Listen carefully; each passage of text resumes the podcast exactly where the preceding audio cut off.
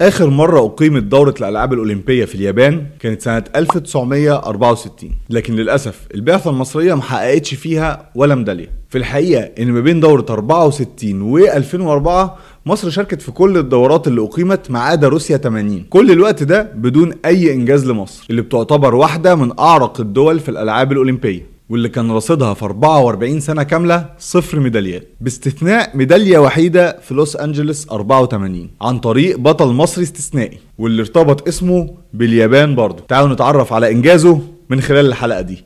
بس قبل ما نبتدي تنسوش تعملوا لنا like و share و subscribe. إحنا موجودين على اليوتيوب وجميع قنوات البودكاست وكمان فيسبوك وتويتر لو عايزين تناقشونا في أي حاجة.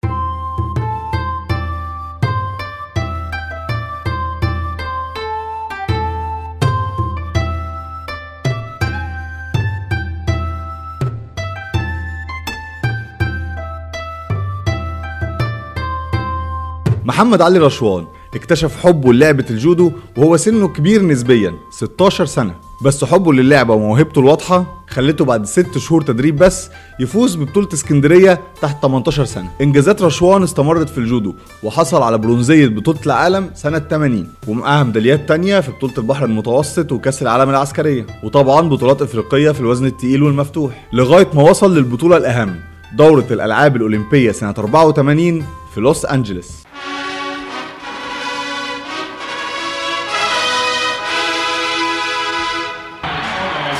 Up, Sam. You're all done. Good job.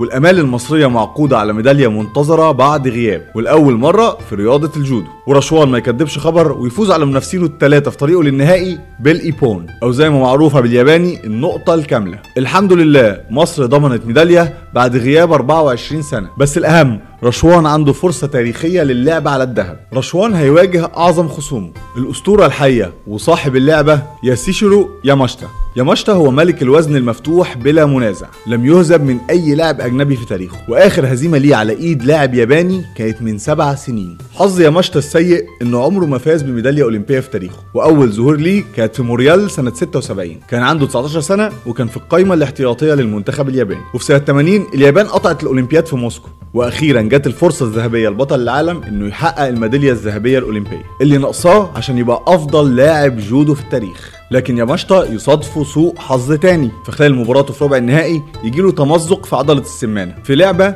أساسا بتعتمد على التوازن والثبات. هتكمل في اللعب إزاي يا ياماشتا وأنت بتزك وبتلعب على رجل واحدة؟ ياماشتا يحاول يخفي إصابته ويلعب مباراة ال semi final ويفوز فيها بصعوبة على الرغم من إن الخصم أضعف منه بكتير. وهنا الراجل ما بقاش قادر يخفي إصابته ولكنه وصل للنهائي وقرر إنه يكمل للآخر عشان يواجه رشوان لأول مرة في النهائي. على الناحية الثانية الأمور واضحة لرشوان. ياماشتا مصاب وباين من التسخين. مدرب رشوان الياباني بيقول له خصمك مصاب العب على نقطة ضعفه. حط نفسك مكان رشوان. ألعب على الرجل المصابة هقدر أفوز بالذهب لأول مرة في تاريخ أفريقيا كلها في الجودو وفي أصعب وزن مع أصعب خصم ممكن. هتبقى حديث الساعة أول أجنبي يفوز على ياماشتا. الحقيقة إنه قرار مش محتاج تفكير كتير بالنسبة لناس كتير. على فكرة اللعب على الرجل المصابه قانوني 100% ودي فرصة وجات لحد عندك. تعب سنين ومجهود بطولات عشان الفرصة دي. ثلاث دقايق هم الفرق ما بين البطل والوصيف واللي في الأغلب بتيجي لأي رياضي مرة واحدة في العمر. واسمك يخلد في التاريخ. بس رشوان ما فكرش كتير. القرار كان محسوم بالنسبة له. مش هلعب على رجلي يا مشطه المصابة. مش عايز أكسب بالطريقة دي.